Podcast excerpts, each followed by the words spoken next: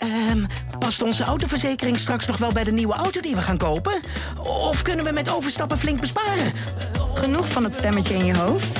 Even Independeren. Daar word je altijd wijzer van. Vergelijk nu en bespaar. Welkom bij Independer. De energiecrisis, de stikstofcrisis, de klimaatcrisis. Je kunt er neerslachtig van worden, maar dat doen we niet. Mijn naam is Nienke Zoetbrood. En ik ben Hanne van der Wurf. En dit is De Klimaatkwestie, de groene podcast van Trouw. Samen onderzoeken we wat er speelt en wat we doen om ervoor te zorgen dat de aarde niet vergaat.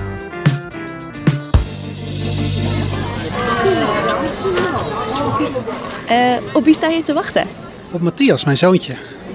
Wat denk jij dat Matthias later gaat doen? Um, hij geeft altijd aan, want hij is flink aan het legoen, dat hij architect wil worden. Hij vindt het heel leuk om te bouwen en uh, om een eigen huis te bouwen in de toekomst. Ja, dat is wel bijzonder, want hij is pas uh, zeven jaar. En dat hij dan zegt dat hij architect wil worden. Maar wel hartstikke leuk. We stelden mensen op het schoolplein een simpele vraag. Zoals de wereld er nu uitziet. Wat denk je dat jouw kind later wordt?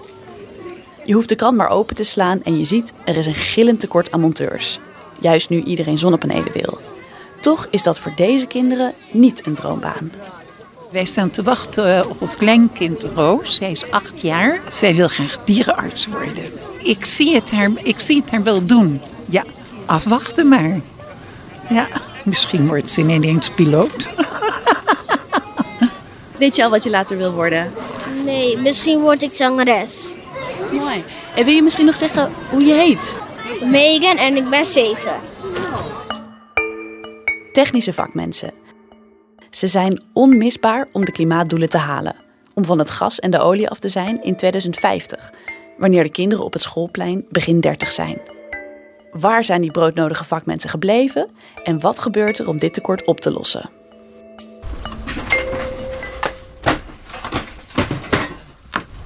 Alles te controleren of het compleet is. Als je op locatie iets mist, dan uh, sta je mooi te kijken. Om een afspraak te krijgen met Jesse Kloosterhuis moet je vroeg opstaan.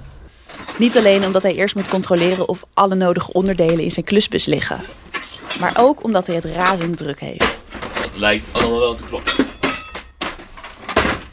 We gaan de wild overrijden en dan gaan we daar de zonnepanelen installeren bij Carlijn. Een uh, klant van ons ontmoet op de camping. Maar iedereen die je ontmoet, die wil zonnepanelen. Dat Jesse zonnepanelen zou gaan installeren, stond niet in de sterren geschreven. Had je de kleine Jesse op de basisschool gevraagd wat hij wilde worden, dan zei hij arts. De iets grotere Jesse ging biologie studeren. Maar al snel merkte hij dat stilzitten niet helemaal zijn ding was. Nou, die studie biologie, daar viel me op dat juist bij de vakken die ik leuk vond, dat die mensen echt ontzettend veel binnen zaten. dat stond eigenlijk gewoon niet aan. Ik had, uh, na mijn studie ben ik een jaar gaan stijgers bouwen. En dat is een beroep waarin uh, mensen echt uh, een beetje rouwdouwer zijn. En ik vond het eigenlijk gewoon wel heel leuk, zware dingen tillen. Ik werd toen in één keer heel sterk. Ik was een heel uw mannetje ervoor. En toen heb ik een jaar stijgers gebouwd. En toen was ik gelijk de allersterkste van iedereen die ik kende. Ja, dat vond ik wel leuk, ja. Zo'n tien jaar geleden besloot hij ik bouw die stijgers op bij een huis en leg meteen een zonnepaneel op het dak neer. Zo kon hij en buiten zijn en mensen helpen. Ja, en daar heb ik een, een, een, beroep bij gekozen waarvan ik het idee heb dat ongeacht wie ik help, ik ook altijd iets bijdraag. Want uh, het klimaat uh, gaat me wel aan het hart, zeg maar. En dan denk ik, nou dan doe ik er ook elke dag een beetje een bijdrage. Kijk, ik begon dit dus ooit omdat ik het leuk vind mensen te helpen. Maar ik word nu uh, vijf keer per dag door iemand gebeld die ik niet kan helpen. Mensen willen het zo graag, zeg maar. Er is een tekort aan mensen in de markt. Dat ze, de, dat ze al gewoon überhaupt blij zijn dat je dat je, je telefoon opneemt. en dat je bereikbaar bent en dat je iets wil doen, zeg maar. En dat je binnen een half jaar misschien kan. Dan uh, zijn mensen al heel blij. Joost van Velzen is redacteur arbeidsmarkt bij Trouw. Joost, hoeveel mensen zijn er precies nodig voor de energietransitie? Ja, nou dat is schrikbarend, want dat zijn uh, volgens Techniek Nederland, de belangenorganisatie van technische medewerkers, zijn er 20.000 installateurs van zonnepanelen tekort. De aanvragen, volgens mij uh, gaat het voorbij de miljoen. Het zijn bedrijven en huishoudens. Die moeten allemaal zonnepanelen hebben. Dat, er zijn zoveel aanvragen, dat is niet bij te benen door installateurs. En het zijn niet alleen mensen zoals Jesse die we tekort komen. Volgens het UWV zijn er 46.000 mensen in de techniek tekort. Dus er zit echt wel een groot probleem achter. Die 46.000 mensen, dat zijn monteurs zoals Jesse. Maar ook elektriciens, lassers, ICT-analisten, ontwerpers en stratenmakers. Er zit een groter probleem achter, zeg jij. Wat gebeurt er als we geen 46.000 mensen kunnen vinden voor al die vacatures? Ja, dan komen we toch wel in grote problemen. Want eh, de afspraak is natuurlijk gemaakt om in 2050 die energietransitie helemaal voor elkaar te hebben. En eh, dat lukt niet als je er geen mensen voor hebt. En wat moet er gebeuren voor 2050? Dat betekent dat eh, onze hele energievoorziening van fossiel overgeschakeld moet zijn in zonne- en windenergie. Het is een hele grote operatie waar heel veel mensen voor nodig zijn. En zijn die mensen er niet, dan loopt de energietransitie vertraging op.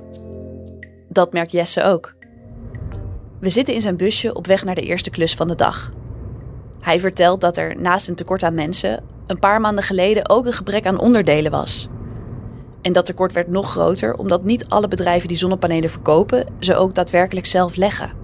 Je hebt natuurlijk ook bedrijven en die verkopen ze alleen maar. Dus die hebben gewoon 200 verkopers. En die gaan daarna die klussen wegzetten bij installatiebedrijven. Maar die bedrijven die willen dan zeker weten dat ze het over een jaar wel kunnen installeren. Dus die bestellen gelijk die materialen. Dus wat er in oktober, november gebeurde was dat er... Nou, er zijn misschien wel een paar honderdduizend klussen verkocht in Nederland. En al die materialen zijn al besteld. Terwijl er zijn helemaal niet genoeg installateurs om dat te plaatsen. Dus die worden allemaal in, een opslag gelegd. Dus er zijn een paar hele grote loodsen in Nederland helemaal volgelegd met zonnepaneelinstalatiemateriaal. Terwijl de installateurs waren die niet zoveel voorraad houden en ZZP'ers die niks meer konden doen. Heel bizar eigenlijk. Dus er werden uiteindelijk praktisch minder mensen geholpen omdat er meer werd verkocht. Een tekort aan monteurs en een tekort aan onderdelen, waardoor de weinige monteurs zelfs nog minder klussen konden uitvoeren. Hoe komen we aan dit enorme tekort aan technische mensen?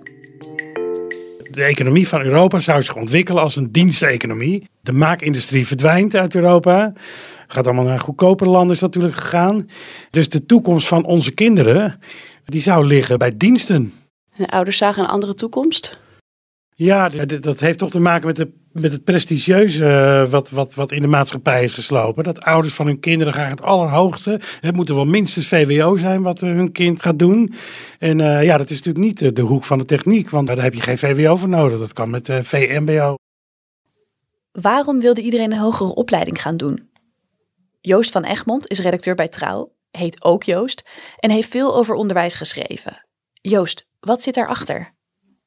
Nou, je hebt de, de befaamde Lissabon-agenda, waarin we kleine twintig jaar geleden hebben afgesproken dat we minstens half Nederland hoger opgeleid eh, wilden hebben, zoals dat heette.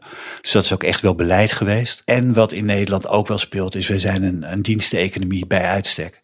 We waren al niet zo goed in, eh, in die technische beroepen. Dat is de afgelopen tientallen jaren zo gegroeid. En ja, als je begint uh, met minder van een bepaalde soort, dan uh, gaat het ook eerder bijten als je er nog minder krijgt. We hadden al weinig technische mensen en vervolgens moest de helft van Nederland hoger opgeleid worden. Twintig jaar geleden ging het ook al over de noodzaak om over te stappen op schone energie. Maar dat daarvoor ook technisch geschoolde mensen nodig waren, dat besef sneeuwde een beetje onder. Hoe hoger opgeleid, hoe beter. Dat was het motto. Ik het afgelopen jaar heb ik een, flink veel onderzoek gedaan, heel veel mensen gesproken over waar toch die, die drang om hoger en hoger en hoger op te leiden vandaan komt. En wat je vooral merkt is, het zit in de hele samenleving. Uh, dat begint al met de waardering die er op een basisschool is voor een VMBO-advies. Maar wat je ziet is dat heel veel jongeren eigenlijk niet kunnen wachten om uit die, um, die stroming richting een MBO-diploma te stappen. En bijvoorbeeld naar HBO of WO door te stromen. Dat, dat zie je heel veel. En dat zie je ook uh, in mensen met aanleg voor dit soort technische beroepen. Dus het is eigenlijk de doorstroom waarvan ik dacht dat is juist goed voor de kansen van jongeren. Die werkt nu eigenlijk tegen ons.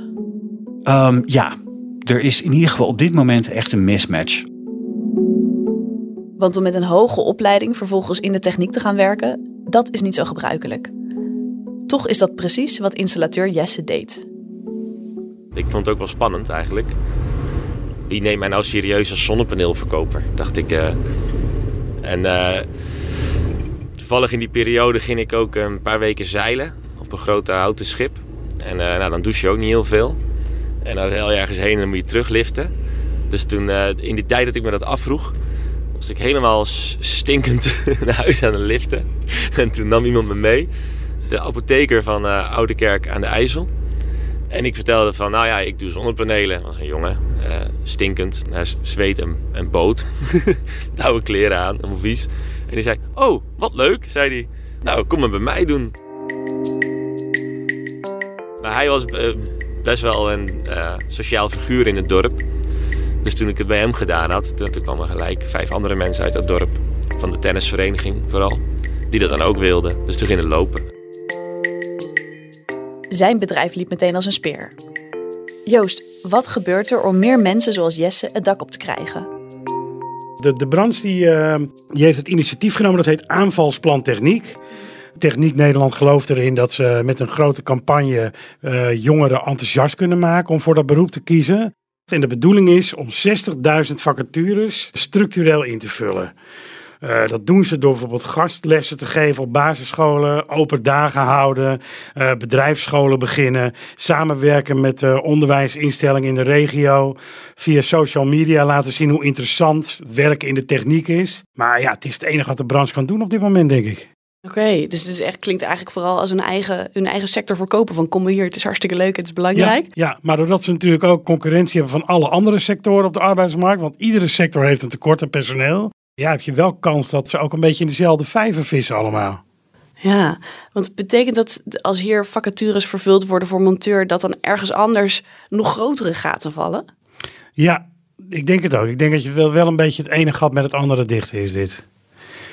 Ik kan me best voorstellen dat monteurs overstappen of installateurs. Dat ze eh, bijvoorbeeld eerst bij pak een beet een telecombedrijf werkzaam zijn. eh, Of een eh, verwarmingsbedrijf. En dat die denken van, hé, hey, die zonnepanelen, daar heb, je, heb ik veel meer werkgarantie. Dus ik stap over. Eh, En dan betekent je dus dan aan de andere kant van de, van de lijn krijg je dan een tekort. Kortom, de technieksector doet hard zijn best om jongeren warm te maken. Maar het is nog maar de vraag of dat het tekort niet alleen verplaatst. Er zijn ehm, een paar oplossingen voor. Je hoort hier de onderwijsman van Trouw, Joost van Egmond. Hij zegt, naast jongeren kijkt de technieksector ook naar andere mensen. Wat ook volop gebeurt, is ehm, wat vroeger heette bijscholing. Wat we nu liever leven lang ontwikkelen noemen. Om ja, weg te gaan bij dat idee, op je 22e ben je uitgeleerd en dan ga je een vak doen. Maar ook ehm, later twintigers, dertigers, veertigers, vijftigers op te leiden in vakken waar nu tekorten zijn. Daar gaat op dit moment heel veel aandacht naartoe. Oké, dus het is niet alleen zeg maar, de hoop richten op jongeren die kiezen voor dit soort vakberoepen, maar juist ook de dertigers, veertigers, vijftigers die misschien een andere achtergrond hebben, die alsnog zonnepaneelinstallateur gaan worden. Ja, dat vraagt natuurlijk wel een heel andere aanpak van onderwijsinstellingen. Want die zijn nu heel erg gericht op jongeren van 16 die vers van het VMBO komen en daar een opleiding komen doen. Dat sluit niet altijd aan bij, ehm, bij de ervaring die een veertiger heeft. Maar daar wordt dus volop aan gewerkt om dat ehm, leven lang ontwikkelen. LLO eh, is de afkorting, die ga je nog vaak horen dit jaar. Om dat meer ehm, in te bedden in die MBO's. Zodat ook mensen gewoon snel kunnen worden omgeschoold en ook op maat geen vakken hoeven doen die ze misschien al lang kunnen. Uh, wat langer stilstaan bij de dingen die misschien minder vanzelfsprekend, omdat ze gewoon van een andere generatie zijn. En om met dat maatwerk snel meer technici uh, het veld in te krijgen, het dak op. En is dat iets wat nu al bij MBO's gedaan wordt? Dat ze zich meer richten op oudere, nieuwe studenten eigenlijk? Ja, de trend is onmiskenbaar. Er is bijvoorbeeld 400 miljoen euro voor vrijgemaakt uh, afgelopen jaar. Het gaat natuurlijk over langzame ontwikkeling. Je leidt docenten op, je pas je curriculum aan. Uh, je ondervindt waar die uh, wat oudere leerlingen behoefte aan hebben. Maar dat is wel degelijk um, in ieder geval niet iets waar geld een probleem is. We zijn daar volop aan aan het werken. En de, ja, de focus is er ook wel. Het kost alleen wel een paar jaar. Dit, dit los je niet op in 2023. In 2023 lossen we dit probleem niet op. Maar er worden wel stappen gezet om jongeren de techniek in te lokken. En mensen die er al een andere carrière op hebben zitten. De eerste tekenen zien er gunstig uit. Hoewel het aantal MBO'ers al jaren afneemt, kozen dit jaar wel meer mensen voor een opleiding in de techniek. Dat waren niet zozeer VMBO'ers, die kiezen liever voor een hogere vervolgstudie, maar vooral iets oudere mensen die zich laten omscholen. Of het probleem gaat oplossen meteen, dat, uh, dat kun je denk ik niet zeggen. Maar het is wel een, een teken aan de wand, denk ik, als heel veel mensen zich voor techniek melden. Dat betekent, denk ik, dat veel mensen ook toekomst zien in die hoek. En dat is veranderd, ziet Joost. Eerst had het vooral het imago van zwaar werk. Uh, het is hard werken voor weinig geld, dus waarom zou je dat doen? Ik denk dat het ook mee heeft gespeeld. Maar nu de markt zich zo ontwikkelt dat de vraag naar technische beroepen ook gewoon groter wordt, kan dat voor een nieuwe generatie werkenden aantrekkelijk zijn om uh, die kant op te gaan. Dat is toch de prikkel van meer kunnen verdienen en prettige perspectief van een werkgarantie. Een werkgarantie? Als jij nu kiest om installatiemonteur te worden van zonnepanelen, ja, dan weet je gewoon nu zeker dat je de komende jaren zit je gewoon goed. Dus eigenlijk moeten ouders in plaats van dat ze zeggen word maar dokter, word maar monteur. Ja, als je wil dat ze, uh, dat ze zeker zijn van een baan wel. Nu moet ik even nadenken waar ik eigenlijk uh, onderweg naartoe ben. Volgens mij rechtdoor. Ik probeer het even uit mijn hoofd, maar we kunnen nog een rondje gaan rijden. We rijden Beeldhoven binnen, waar Jesse zometeen de bus parkeert en de stijgeronderdelen tegen het huis gaat opbouwen. Inmiddels gaat hij niet meer alleen het dak op, maar leidt hij ook een bedrijf van zo'n acht mensen. Toch duurde het even voordat zijn ouders voordelen zagen van zo'n praktisch geschoolde zoon. Mijn vader vindt alles mooi. Mijn moeder vindt het wel fijn als je een beetje iets opbouwt. Dus die heeft wat langer gedacht, nou, bouwt hij nou even iets op? Ik heb dus een boom gesnoeid bij haar in de voortuin. Dat was hovenier nog een halfjaartje. Dat was mijn hoge boom, een meter of 17 of zo. En uh, nou, dat deed ik zoals ik geleerd had bij de hovenier. Dus ging hartstikke mooi netjes. En toen stond ze echt verbaasd te kijken. En toen zei ze, oh, hij kan echt wat. Zei ze toen. ik hoop, als ze dit luistert, zal ze wel verbaasd zijn dat ik het onthouden heb. Nou, dat zal er leren.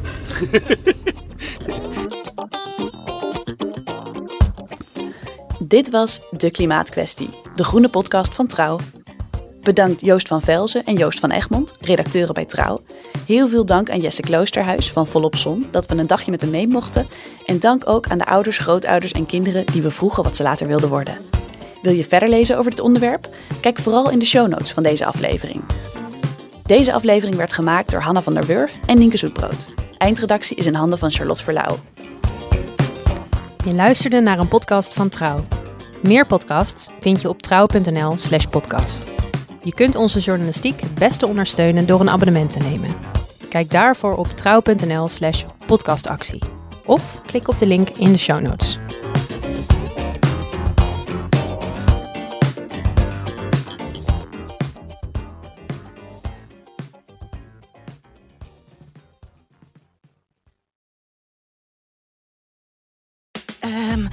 Onze autoverzekering straks nog wel bij de nieuwe auto die we gaan kopen? Of kunnen we met overstappen flink besparen? Genoeg van het stemmetje in je hoofd? Even Independeren. Daar word je altijd wijzer van. Vergelijk nu en bespaar. Welkom bij Independer.